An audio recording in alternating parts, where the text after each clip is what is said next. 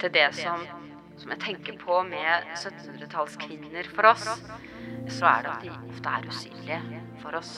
Det er vanskelig å få tak i fordi de ikke har etterlatt seg annet kanskje enn et navn.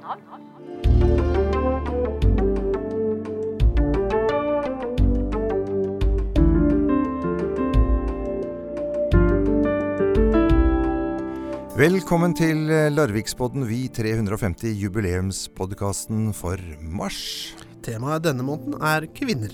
Ja, og her sitter vi, en halvgammal og en kvartgammal mann. Det er en dårlig deal. Det er jeg enig i, men hva kan vi gjøre med det? Si det, si det. Um, Kjetil, du kan litt av hvert. Hva med å prøve å rett og slett bare trylle frem en kvinne? Ja, det kan jeg prøve på. Ja. Larvik, smarvik, gjemt glemt, spøk, spøk, forsvinne, finne, kvinne. Ta-ta! Hei, journalist Kjersti Bakke. For, for en magisk entré. Sånn er det å være kvinne. Og du har jo rett og slett ansvaret for denne episoden. Ja, og det vet vi, for dette har du tatt eh, på skikkelig alvor. For eh, denne måneden skal ikke vi bare lage én hovedpodkast. For i tillegg eh, så kommer det jo en podkast nummer to. Ja, det gjør det. Det er et intervju med Stein Grimsrud, som har jobba sammen med Mille Marie Treskov i 45 år. Og han forteller om det tette samarbeidet de to hadde, og om den lederstilen Mille Marie hadde. Og så har vi podkast nummer tre. Og det er en debatt, eller kanskje heller en samtale, om hvordan unge kvinner og kvinner i det hele tatt i Larvik har det i dag. Og hvem hadde du med deg da? Eh, Jeg fikk med Gro Hammerseng Edin, eh, som er håndballkommentator og foredragsholder nå. Eh, Gro eh, Herheim, som er kommunedirektør. Og så syns jeg vi skulle ha med en psykolog, og da fikk vi med Katarina Karming Vestmoen. I tillegg så snakka vi med influenser Andrea Sveinsdottir og blogger Ida Vinstad, begge fra Larvik. Ja, og vi skal få høre noen eh, smakebiter fra begge de to poddene i slutten av denne podden. Men eh, før vi går videre, kanskje vi skal eh, fortelle lytterne at uh, i, denne podkasten så samarbeider vi faktisk med Østlandsposten. Ja, og hva tenkte du, Kjersti, da ØP-redaktør Eirik Haugen spurte deg om du på vegne av Østlandsposten kunne ta på deg ansvaret for innholdet av denne podden? Da tenkte jeg at oi, så gøy, podkast, det er jo noe nytt for meg. Du har jo erfaring fra TV. Ja, det har jeg, for det er ganske lenge siden, da. Men jeg elsker jo å snakke i mikrofon. Så sa Kjersti Bakke med et stort smil. Men eh, hva er interessant med dette temaet kvinner for deg? Du er jo selv kvinne, selvfølgelig, så kanskje bare derfor? Ja, altså, det jeg tenkte på først og fremst, det var jo eh, at selv i 2021 så sliter vi i Østlandsposten og i store deler av Norge med å finne eh, intervjuobjekter som er kvinner. Altså, det er flest menn som uttaler seg, og det prøver jo vi å gjøre noe med. Ja. Så derfor så syns jo jeg at det er fint at vi kan eh, lage en, eh, en pod med kvinner som tema.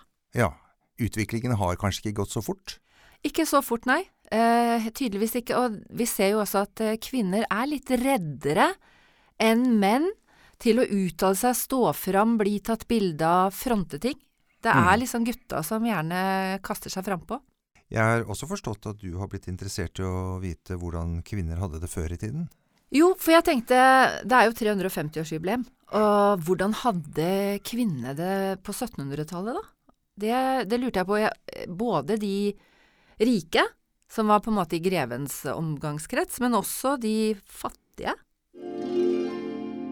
Det som, som jeg tenker på med 1700-tallskvinner for oss, eh, når vi ser bort fra disse som vi kjenner, eh, adel og, og kvinner som har etterlatt seg skrifter, så er det at de ofte er usynlige for oss. Det er vanskelig å få tak i fordi de ikke har etterlatt seg annet kanskje enn et navn. Eller kanskje rettssaker. Ja. Mange av de Et område hvor man faktisk finner historier om kvinner, er jo rettssaker. Har de, ja, hva slags rettssaker snakker vi Det kan være alt fra tyveri til slagsmål. Mm. Eh, til eh, barnefødsler i dølgsmål, som det heter. Altså barn som enten er født utenfor ekteskapet eller er dødt. Og går de gjennom kirkebøker, f.eks., så finner du jo da sider på slutten, etter alle de døpte barna innenfor ekteskap, så finner du da en kolonne for de som eh, ikke er født i ekteskap. Var det mange? Ja da, det, det, det var det jo. Jeg har ikke telt dem, men eh, det sier jo noe om hvordan man, man liksom deler inn i, i, i status, da, og hvordan man finner kan finne ut noe av de som selv om de er usynlige. Så hvis man går til arkivene, til kildene, så kan man sette sammen kunnskap som gjør at de allikevel blir synlige. Eh, for eksempel så tenker jeg at i, i Larvik så tenker vi oss at ja, alle kvinner på 1700-tallet, de var vel hjemme. Mhm. Ja. Og det var det jo ikke. Altså, vi finner dem som arbeidere. De bærer stein, de bærer jord, de bærer mose, de ror. Kvinnfolkarbeid. Kvinnfolkarbeid. Det er jo ikke det vi tenker på som kvinnfolkarbeid nå. Men- Nei, men, men vi finner, og det for, for meg, da, for å etterspore de som er usynlige, så, så finnes de der da med navn. Sant? Vi får i hvert fall navnet deres, og vi får hvor mye har de tjent, og så kan vi gå etter dem i folketellingene og finne mer ut om familieforhold osv. Det er spennende. Ja, det er spennende. Og så dukker det opp innimellom Jeg holdt på med et materiale med, med herregården, og da dukker det opp en malerkvinne. Altså, det er altså en kvinnelig Hun er ikke en sånn portrettmaler, men at hun maler hus. Oi. Eh, og da er det utrolig å finne da fakturaen hennes, altså til greven, hvor hun veldig med elegant håndskrift har skrevet hva hun har malt. Hun har malt marmorert søylene på utsiden av herregården, og hun har malt noen grønne og hvite detaljer, og så er det da en, en signatur. Så hun hadde sitt eget firma, rett og slett? Eller Ja. personlig firma? Jeg vet ikke noe mer om henne, men, men det er tydelig at hun var en profesjonell, da. Mm, Så, så det er sånne ting som kan Plutselig så dukker det opp av kildene. Nemlig. Kvinne som var adel og tilhørte det øverste sjiktet.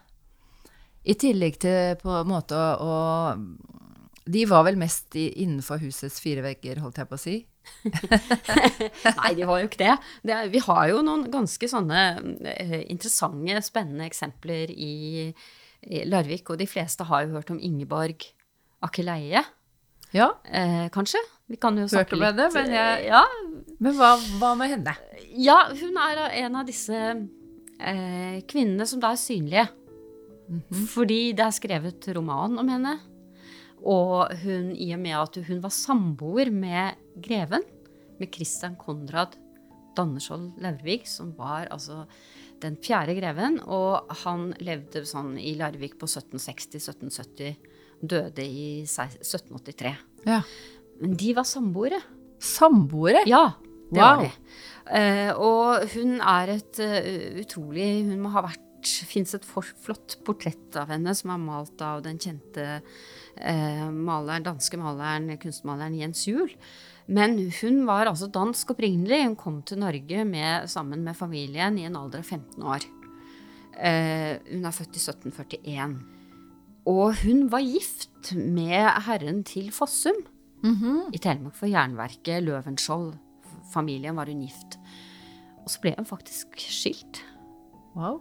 Um, klarte å få med seg da en stor sum penger ut av dette ekteskapet. Og for å gjøre historien kort, så treffer hun da Christian Konrad, altså greven, uh, i Larvik.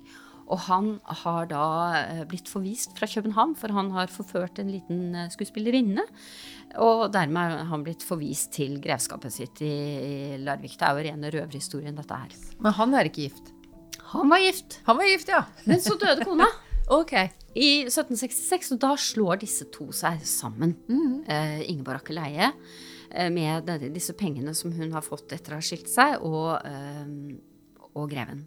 Hvor bor de da? De bygger seg altså et, nærmest et lite slott og har sitt eget hoff oppe ved Bommestad, på Roligheten.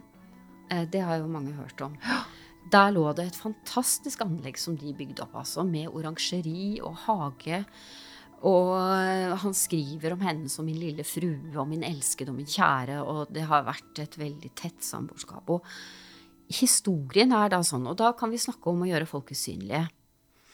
Alltid når det skrives om henne, så skrives det at ja, greven ville bare ha henne som elskerinne, han ville ikke gifte seg. Så er det en god kollega, eh, Gunnar Molden, som er historiker, som kom over noen mapper i disse henlagte mappene i Riksarkivet i København. Og der finner han ut at jo da, greven har faktisk søkt kongen om å få gifte seg med Ingeborg Akeleie, og fått avslag. Oi. Fordi de har levd i synd, og det er mye greier. Hun er skilt, og han er enkemann. Men det er det jo da ingen som har visst, og dermed så oppstår fortellingen om at ja, han ville jo bare ha henne som sånn elskerinne, liksom. Men, men, og det er jo også en måte å usynliggjøre kvinner på. Aina snakker om at eh, kvinner på 1700-tallet ofte var eh, usynlige. Eh, Men hvordan står det til i dag? Det er selvfølgelig mye bedre i dag, men det er jo fremdeles en del områder der kvinner er veldig lite synlige. Og det er én som ønsker å gjøre noe med det, og det er nemlig Rita Kilvær, som sitter i kommunestyret. Hun har sendt inn en interpellasjon. Ja, nå skal ikke jeg forklare så mye hva en interpellasjon er, for det er første gang jeg gjør det. altså bruker en interpellasjon, men det er en måte å få en sak opp på sakskartet i kommunestyret, da. Ehm, og det som uh, jeg tok opp denne gangen, det var uh, spørsmålet om ikke vi kunne finne et par plasser å oppkalle etter uh, kjente historiske kvinner, og eller historiske. Og det sa et samla kommunestyre ja til. Så nå er vi i ferd med å få to plasser i Larvik. Den ene oppkalt etter Mille Marie Treskov, og den andre etter Edle Hartmann Skjøtt. Spennende, men så, og da tenker jeg Edle Hartmann Skjøtt. Hun Jeg burde jo vite om henne. Hun er jo, var jo journalist. Hun var journalist. Ja. Kan ikke du bare holdt på å si, hvordan oppdaga du henne? Nei, det er jo litt det der når du først begynner å, å kikke rundt deg, da, og ser at eh, ja, vi har, eh, vi har ingen kvinnelige byster i hele Larvik. Vi har en del nakne kvinnestatuer. Eh, Vi har nesten ingen gater eller plasser oppkalt etter kvinner, så det var egentlig aktivt å søke etter aktuelle kandidater. Og det, jeg har samarbeida litt med Larvik museum. Ja. For der har vi jo to helt fantastiske eh, medarbeidere, Aina Aske og Anne Eriksen. Som, Kvinner, ja. ja, som, er, ja, som også har, mm. engasjerer seg i den vanskelige materien da, å finne historisk materiale om kvinner, for det er ofte ikke spart på. Så, men Ed- Edle Hartmann Skjøtt hadde jeg så vidt hørt om eh, fra før, så jeg har gravd litt i, i Wikipedia og, og snakka litt med museet om det kunne være en aktuell kandidat. da. Mm. Så hun, hun er da blant Norges aller, aller første kvinnelige journalister. Hun vokste opp i det som heter Buggehuset, som er i Kirkestredet. Eh, liksom ned mot Indre Havn, da, på, liksom rundt i Tollråden-området der. Mm. Mm. Um, og hun var ei skikkelig tøff dame, som eh, skrev for Verdens Gang, og, altså VG. eh, og hun skrev også veldig mye under pseudonym, og det er ofte litt av problemet da, med kvinnelige forfatterskap.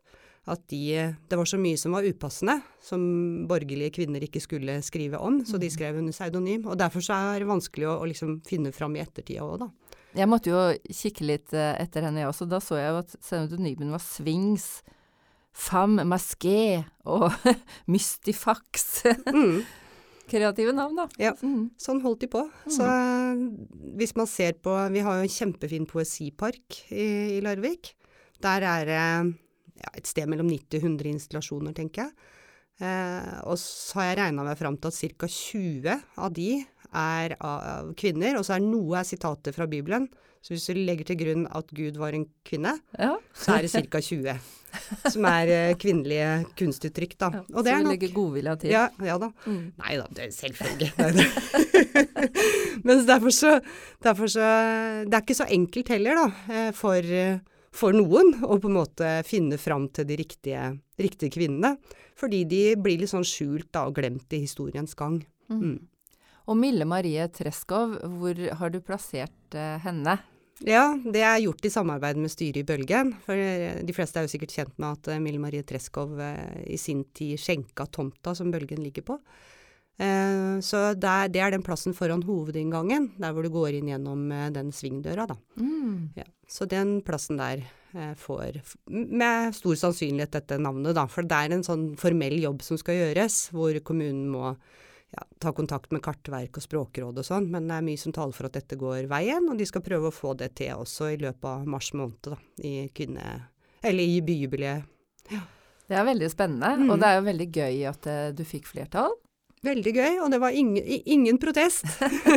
så jeg tror de fleste liksom For det for oss er jo likestilling langt vei blitt en, en selvfølge. Selv om det er jo, det er jo en nokså ny idé. Den er kanskje 30-40 50 år gammel, at vi skal liksom ha helt like eh, rettigheter og muligheter og, og forpliktelser. Så, så det, det, er lett å glemme. Jeg er jo på en måte Jeg er født i 72. Jeg har stått på skuldrene til alle de kvinnene som kjempa fram de rettighetene som jeg har flytet på hele livet. Mm. Og har for så vidt eh, sjelden følt at jeg er utsatt for noe diskriminering eller eh, utfordringer knytta til det å være kvinne, da. Så, så, derfor så glemmer man kanskje også å gjøre sånne type grep. Mm. Eh, hvis vi ikke gjør aktive grep for å få kvinnenavn og, og byster og æresborgere, hvis man er for æresborgerordningen, inn i bybildet, så vil det aldri skje. Det, fordi alt er basert på historie, og den er jo flere hundre år gammel. Akkurat som vi mm. feirer nå. Nemlig. mm. Det har jo, når du sier æresborgere, så har det jo også vært et uh, forslag om at Mille Marie Treskov skulle bli den neste æresborgeren. Mm. Eh, men det har jo ikke skjedd noe mer der. Nei. Nei, og jeg er ikke så sikker på det kommer til å skje heller. Fordi det er mange partier nå som mener at den, den ordningen da, med æresborgere eh, er litt sånn antikvarisk. Mm. Eh, og det er jeg for så vidt langt på vei enig i. Eh, og det samme gjelder for så vidt kunstuttrykket byster. Ja. Det er også litt sånn gammeldags eh, kunstuttrykk. Eh, og det er jo derfor dette er litt sånn vanskelig, ikke sant. Fordi skal vi gjenta på en måte gamle uttrykk for å liksom bringe kvinnene opp på samme nivå, eller skal vi finne andre løsninger? Mm. Så ja, det er ikke noe sånn enkelt svar på det. Men jeg tror det er helt nødvendig at vi bringer likestillingen inn i det offentlige rom, da. Nemlig. Og da er jo kanskje det på sin plass å starte med, med to eh, geografiske steder ja. som får kvinnenavn, og som er sentrale i Larvik. Ja. Det tror jeg også er en, en god idé, da. Ja. Og den edle Hartmann Schjøtts det er litt vanskelig å forklare det på radio, men det er Hvis du ser for deg at du står eh, med ryggen til inngangsdøra til fengselet og kikker over, eh, over rundkjøringa, så mm. ser man en sånn liten park. Mm. Og den parken vender ned mot uh, buggehuset da, som hun uh, vokste opp i.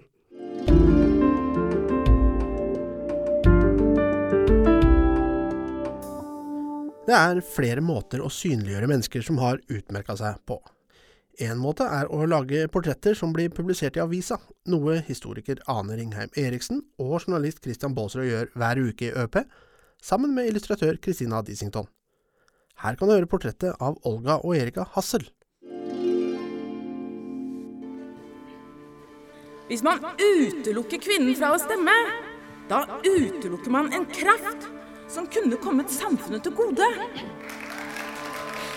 Det er den 47 år gamle lærerinnen Olga Hassel som inntok talerstolen i Ynglingeforeningens lokaler nederst i Nansetgata.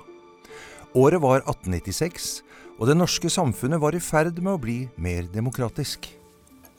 Ja, dette året fikk alle menn stemme ved lokale valg.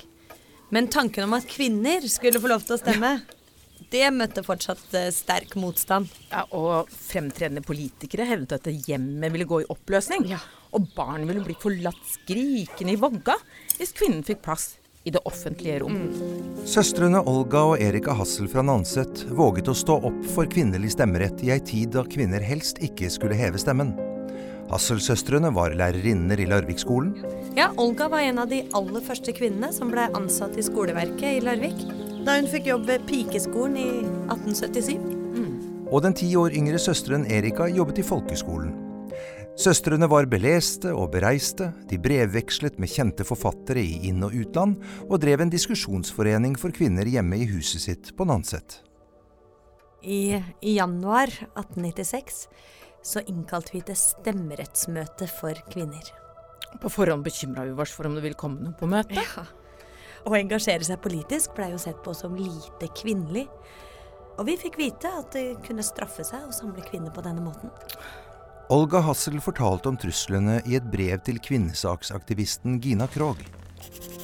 Det hadde ikke manglet på velmente advarsler fra den mannlige side mot ikke å holde møte, da vi, som fikk det i stand, ville komme til å unngjelde for det.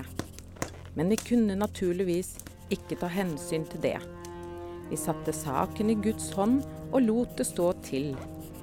Det ville jo være å fornekte en god sak hvis vi hadde unnlatt å arbeide for den på vår måte, bare for å spare vårt eget skinn.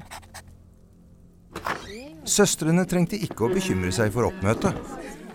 Da møtet starta denne januarkvelden, var lokalet nederst i Nonsegata fullt av engasjerte kvinner. For Olga og Erika Hassel var det viktig at kvinner fikk slippe til i samfunnsdebatten. Fikk vi bare lov til å hjelpe til, så ville dette komme til å se annerledes ut, både i statsliv og kirke. Vi mener ikke det at mannen har gjort det så gromme dårlig, men vi tror det ville blitt enda bedre hvis kvinnen fikk kommunal stemmerett. På en måte kan mannen i kommunestyret kun representere seg selv. Han kan kun gi sin egen kraft, ikke kvinnens. Å utelukke kvinnen er å utelukke en kraft som kunne komme samfunnet til gode.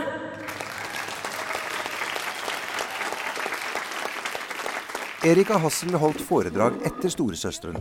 Fra talerstolen tok hun et oppgjør med kvinnenes påståtte mangel på kunnskap om politikk. Mange har sagt at kvinner mangler de nødvendige kunnskaper for å kunne stemme. Men eh, kan ikke det samme sies om menn? På stemmerettsmøtet ble menn nektet adgang. Arrangørene ville skape en trygg ramme for kvinnene som deltok, og beskytte dem mot sjikane og sladder. Av samme grunn ble lokalavisenes mannlige journalister nektet adgang. Ja, dette blei tatt ille opp av journalistene. Både Jarlsberg og Larvik Amstidene og, og Østlandsposten. Journalistene tok ikke hensyn til vårt ønske om anonymitet. De offentliggjorde navn på både arrangører og foredragsholdere, og kritiserte oss for hemmelighold. Dagen etter møtet kunne larviksfolk lese i Jarlsberg og Larvik Amstidene. Det er oss en gåte hva som virkelig kan ha beveget de ærede damer som her i Laurvik har åpnet felttoget for kvinnenes stemmerett, til å omgi seg med en så dyp hemmelighetsfullhet. Allmennheten ler bare av den slags og kaller det narraktig. Eller man bringes på den tanke at damene har noe å skjule, noe som de ikke tør vedstå. Innledningsforedraget holdtes av frøken Jønsberg, som bl.a. oppholdt seg ved mennenes skrøpelighet. Som var paret med den mer skrikende hensynsløshet og likegyldighet overfor den annen halve del av menneskeheten. Dog var det ikke meningen ganske at gjøre skapningens herrer til slaver, man skulle bare hjelpe dem. Uthengingen i lokalavisa må ha vært en belastning for de to lærerinnene, og gjorde det nok ikke lettere for kvinner å engasjere seg politisk i lokalsamfunnet. Det ble ikke dannet noen stemmerettsforening i Larvik etter møtet i januar 1896. Olga og Erika Hassel hadde imidlertid vekket et engasjement som ikke lot seg stoppe. Fem år etter Hasselsøstrenes møte ble det for første gang mulig for kvinner å stemme ved lokale valg. Ved dette valget ble seks larvikskvinner valgt inn i kommunestyret i Larvik. Ingen andre kommuner i Norge hadde høyere kvinneandel.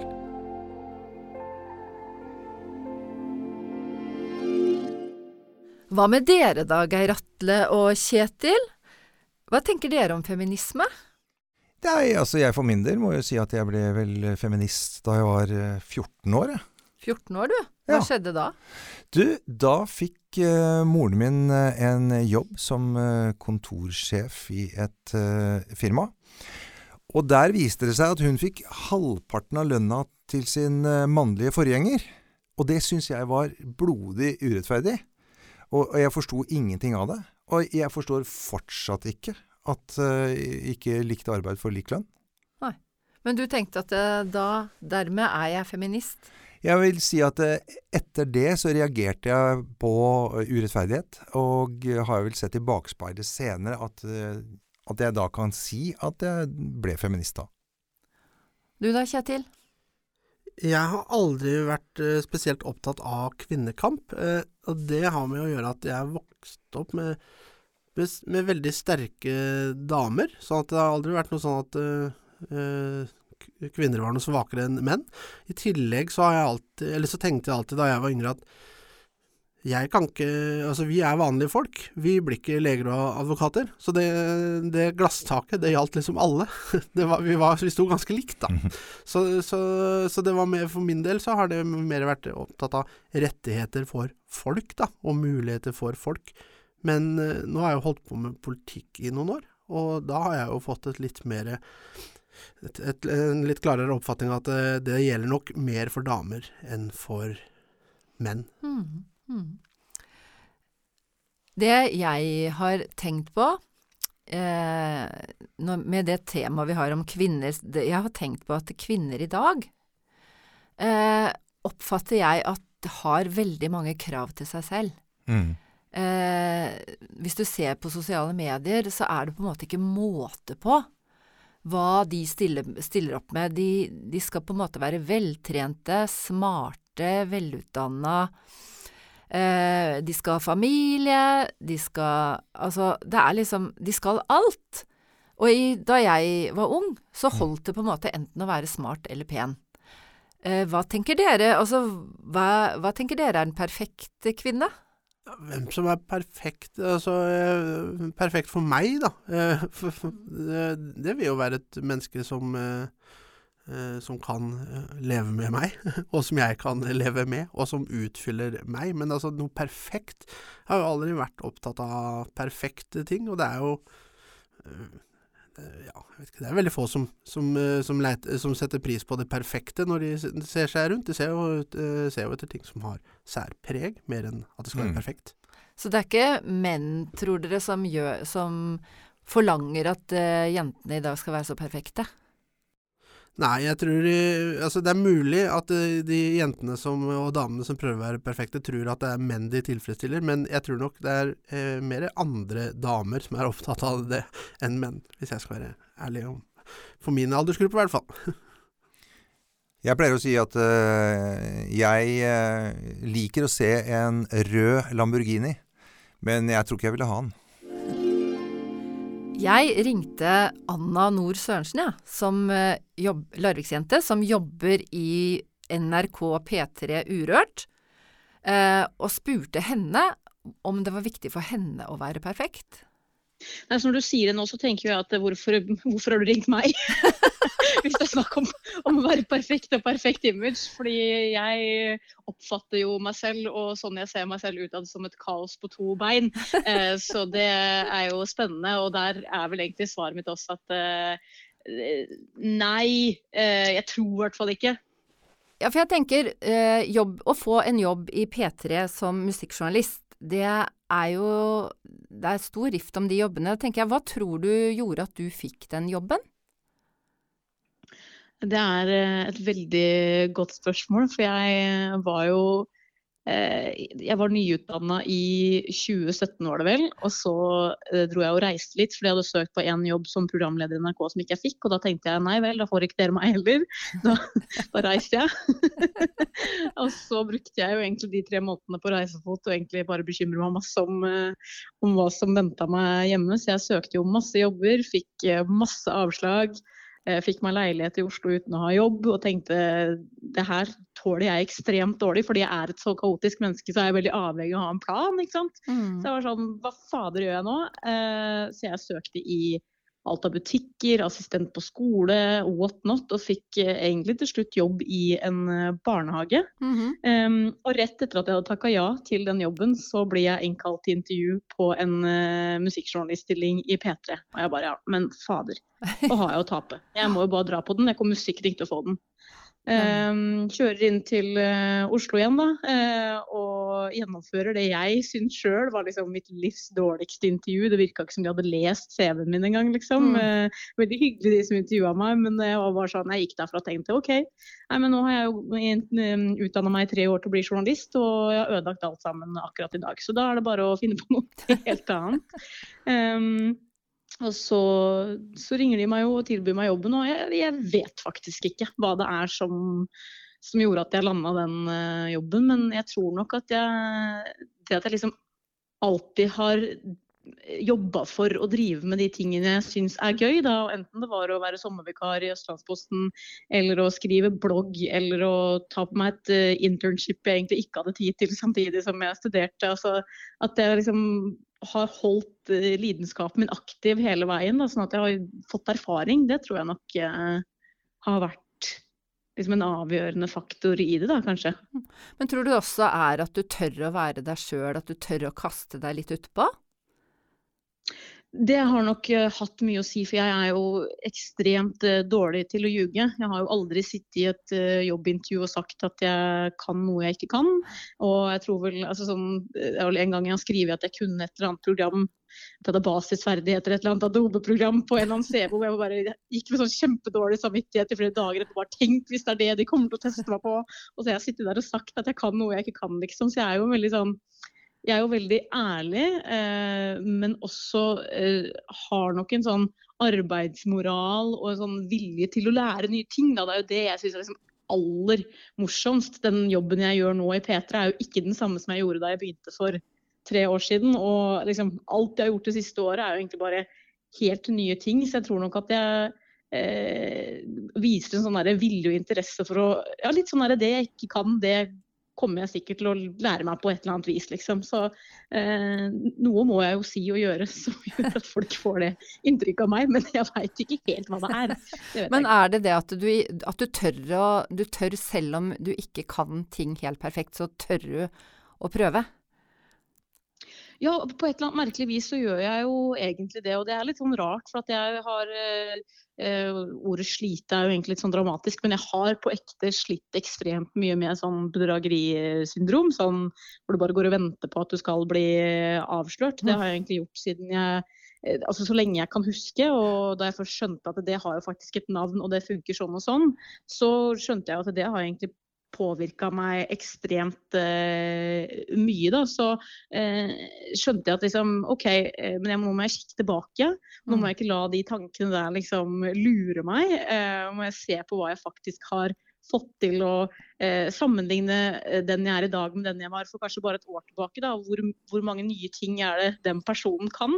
Og det har vært en sånn utrolig nyttig teknikk for meg. Da kanskje liksom avsløre mine egne tanker framfor å gå og være redd for at andre skal avsløre meg, hvis det, mm. hvis det gir mening. Så det er egentlig litt en sånn uredd greie jeg har fått eh, de siste åra. Så er det nok noe med Jeg får en sånn litt sånn derre Åh, hva er ordet, da? Eh, jeg blir eh, Eller jeg får en sånn følelse i meg at liksom eh, at hvis, at hvis, andre kan, så kan vel jeg eh, også. Eh, og jeg skal i hvert fall Og den der følelsen at jeg skal i hvert fall ikke sitte og angre på at ikke jeg i hvert fall prøvde.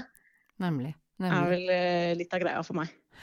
Og nå er det jo også du er, Det er Urørt-finale, du, du, har radioprogram.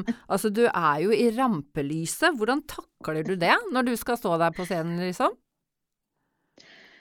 Um, ofte, eh, jeg har, klarer jo ikke egentlig å se helt på det sånn, men det er jo klart at jeg er jo gammel uh, hva skal jeg si, Studio Nille-danserinne og gammel amatørskuespiller på Galeiscenen uh, ute i Stavern og laga russrevy og sånne ting. Så jeg trives jo veldig godt på en, uh, en scene. Og når det er litt sånn à la som me, det, jo, det har jo alltid vært noe som har gitt meg et uh, kjemperush og et adrenalin, og egentlig liksom egentlig ikke, ikke, nødvendigvis akkurat det øyeblikket når, når, du står der og gjør det, men alt som skjer rundt og alt som skjer før. At man klarer å liksom knyte alle trådene til slutt, at man skaper noe sammen. Jeg tror det er det som gir meg eh, ekstremt mye. Og så er jeg jo veldig glad i å formidle, da. Mm. Så jeg tror eh, Det er vel sånn jeg takler det. Men jeg har jo aldri sett på det som liksom eh, stå i rampelyset, i hvert fall nå som jeg jobber i Urørt, som kanskje er litt smalt. Det er jo ikke akkurat å, å stå og lede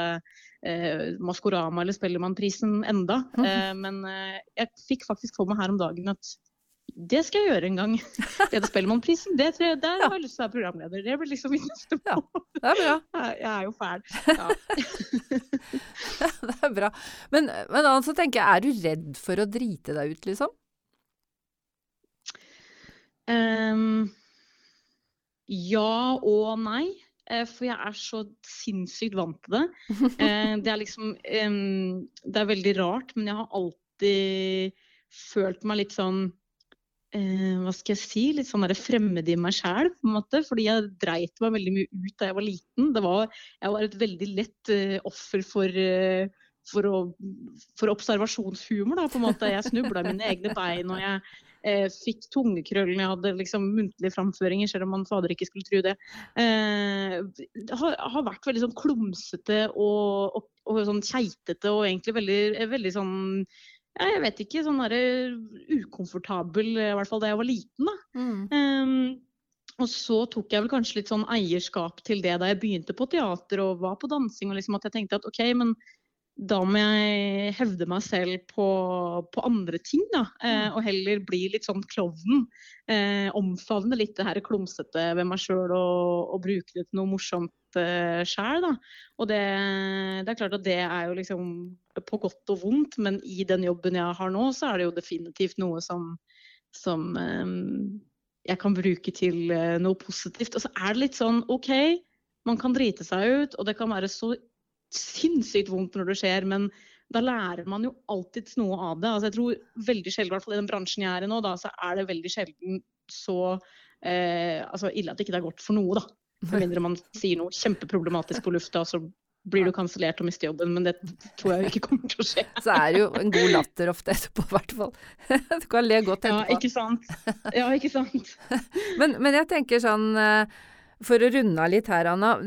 Du, hva ville du mm. komme med nå? Nå er du blitt 25 i hvert fall, og du har jobba tre år i P3. og mm. hva, Hvis du skulle komme med en sånn råd eller oppfordring til unge jenter da, som, som sliter litt med å tenke at gud, er jeg god nok og sånn og sånn, har du et slags lite, et lite tips?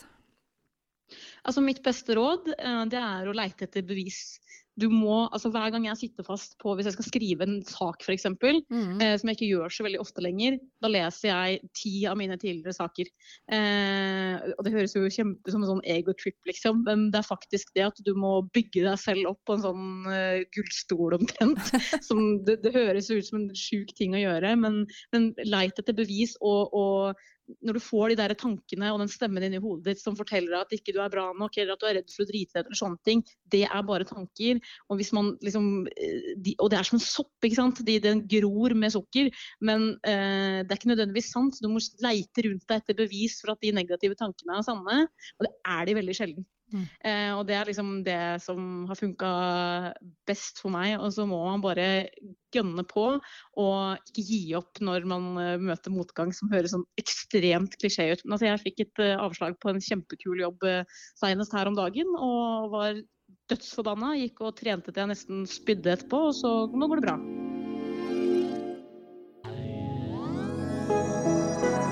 Derav navnet. Jeg bor på Nanset. Og når jeg er ute og går tur, så går jeg ofte forbi en uh, liten vei som heter Karen Sundts vei. Uh, jeg ante ikke hvem Karen Sundt var, så jeg måtte google.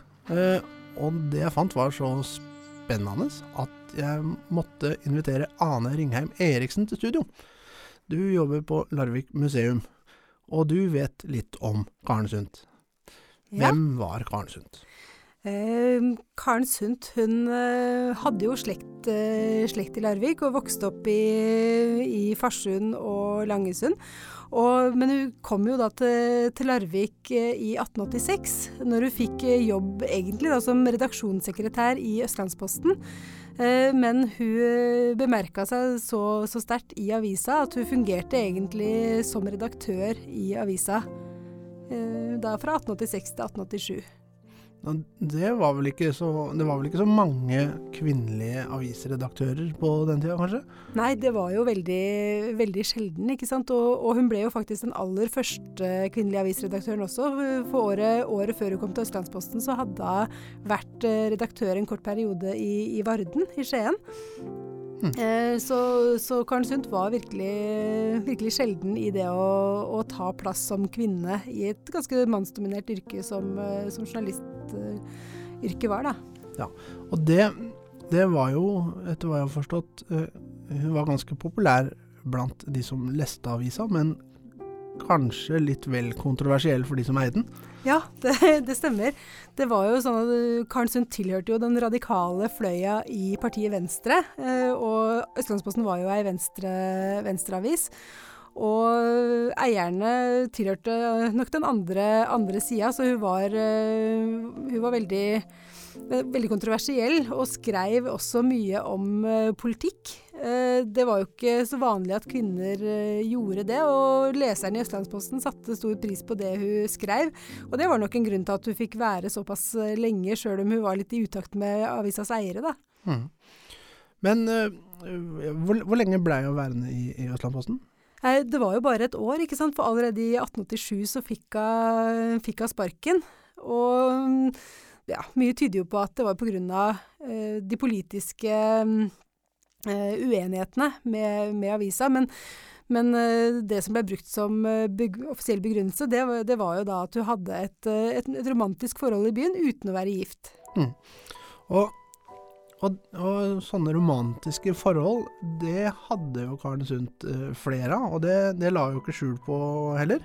Nei, hun var jo ganske åpen, eh, åpen, om det, og det er jo bevart et brev eh, som hun skrev til Arne Garborg etter at hun hadde fått sparken. Og, og der skriver hun jo ganske åpent om, om de forholdene hun har hatt. Hun skriver at hun har hatt forhold til flere, flere menn.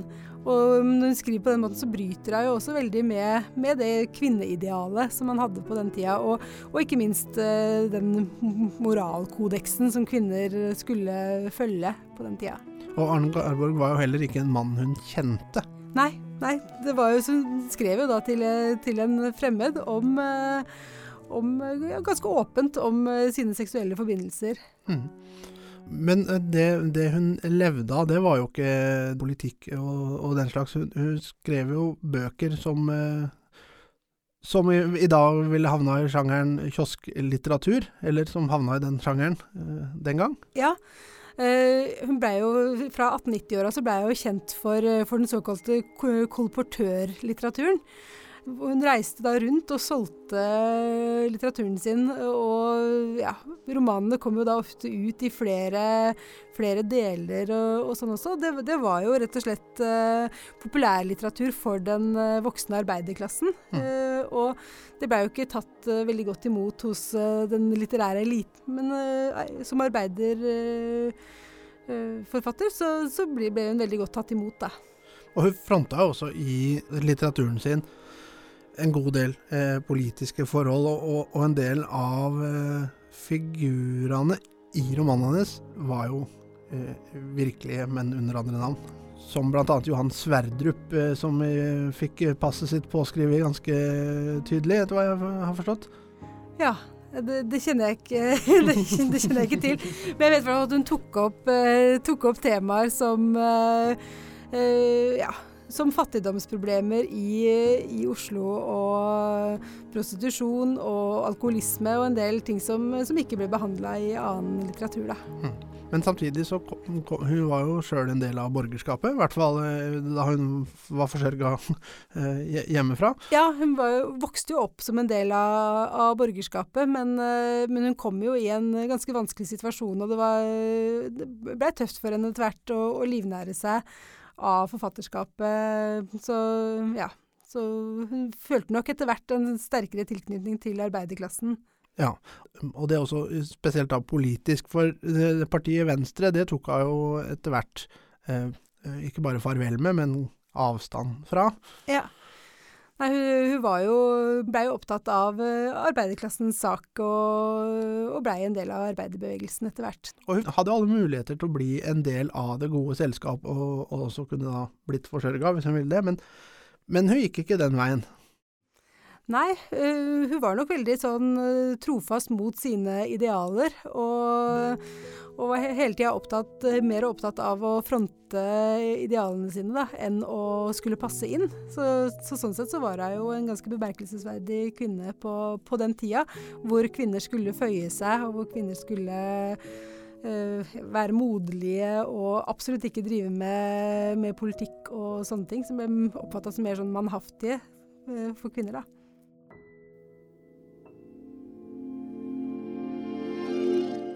Ja, nå skal vi snakke om de andre podkastene. Og i podkast nummer to, Kjersti, der har du en samtale med Stein Grimsrud. Stein Grimsrud har jo vært konsernsjef i Treskov Fritze i veldig mange år, og jobba tett sammen med Mille Marie Treskov. Og da jeg var i begravelsen hennes, så holdt han en tale som gjorde veldig inntrykk på meg. Han fortalte at hvis et av barna hennes hadde ørebetennelse, da ble styremøtet avlyst. Derfor så syns jeg det var spennende å høre med han hvordan det samarbeidet de hadde hatt, var. La oss høre et klipp.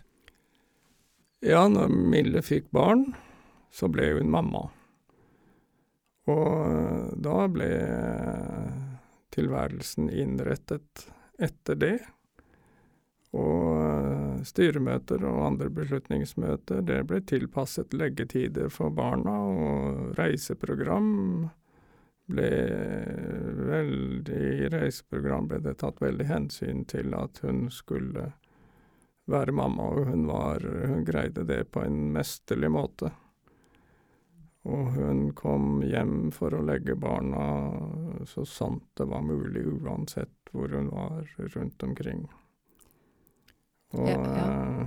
det var Der var hun nok Blant norske næringslivskvinner så tror jeg hun var skilte seg ganske klart ut på det. Og det så man også eh, i omgangen mellom barna og Mille. At hun var en mor av det gamle, trygge, mm. Gjennomgripende slaget, og det var til hele livet. Og da hun fikk barnebarn, så slo det jo enda klarere ut, sånn som uh, det gjør for oss alle. Som nevnt innledningsvis så har vi tre for én-tilbud på podkast denne måneden. Og kan du fortelle litt om podkast nummer tre, Kjersti? ja, det kan jeg.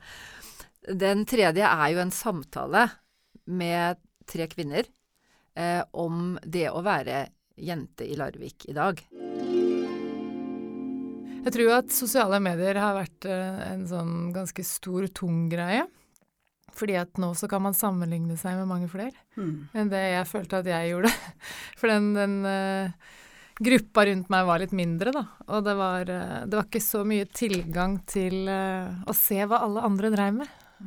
så jeg opplever jo at det er noe jeg har et bevisst forhold til sjøl, fordi jeg har vært en en kjent håndballprofil som kanskje mange unge håndballjenter f.eks. har sett opp til, da, så har jeg tenkt over det på sosiale medier. Nå er ikke jeg på Facebook eller aktiv på noe annet enn egentlig Instagram, da, men der tenker jeg over at jeg har lyst til at det skal være et ekte bilde da, av Uh, Prøver å unngå å bruke filter hvis jeg skal mm. legge ut et bilde. Det skal være meg det er bilde av, eller Anja for den saks skyld. Og prøver å holde et sånn fokus på det at um, jeg har ikke lyst til å, å, få de til å tro at alt er perfekt, og at man alltid ser ut som om uh, man er ferdig sminka til fest.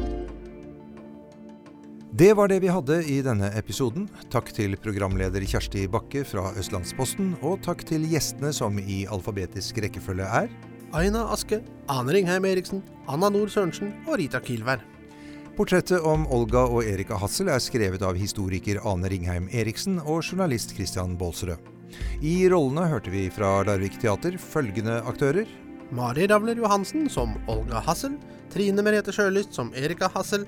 Fredrik Lange Nilsen som journalisten fra Jarlsberg og Larviks Amtstidene. Som fortelleren hørte vi Geir Atle Johnsen, som også har ansvaret for lyddesign. Følg oss gjerne på Facebook, Larviksbodden Ropert eller Vi350. Du finner også Larviksbodden på Instagram.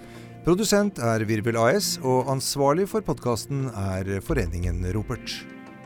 Og jeg er ansvarlig for Kjetil Wold.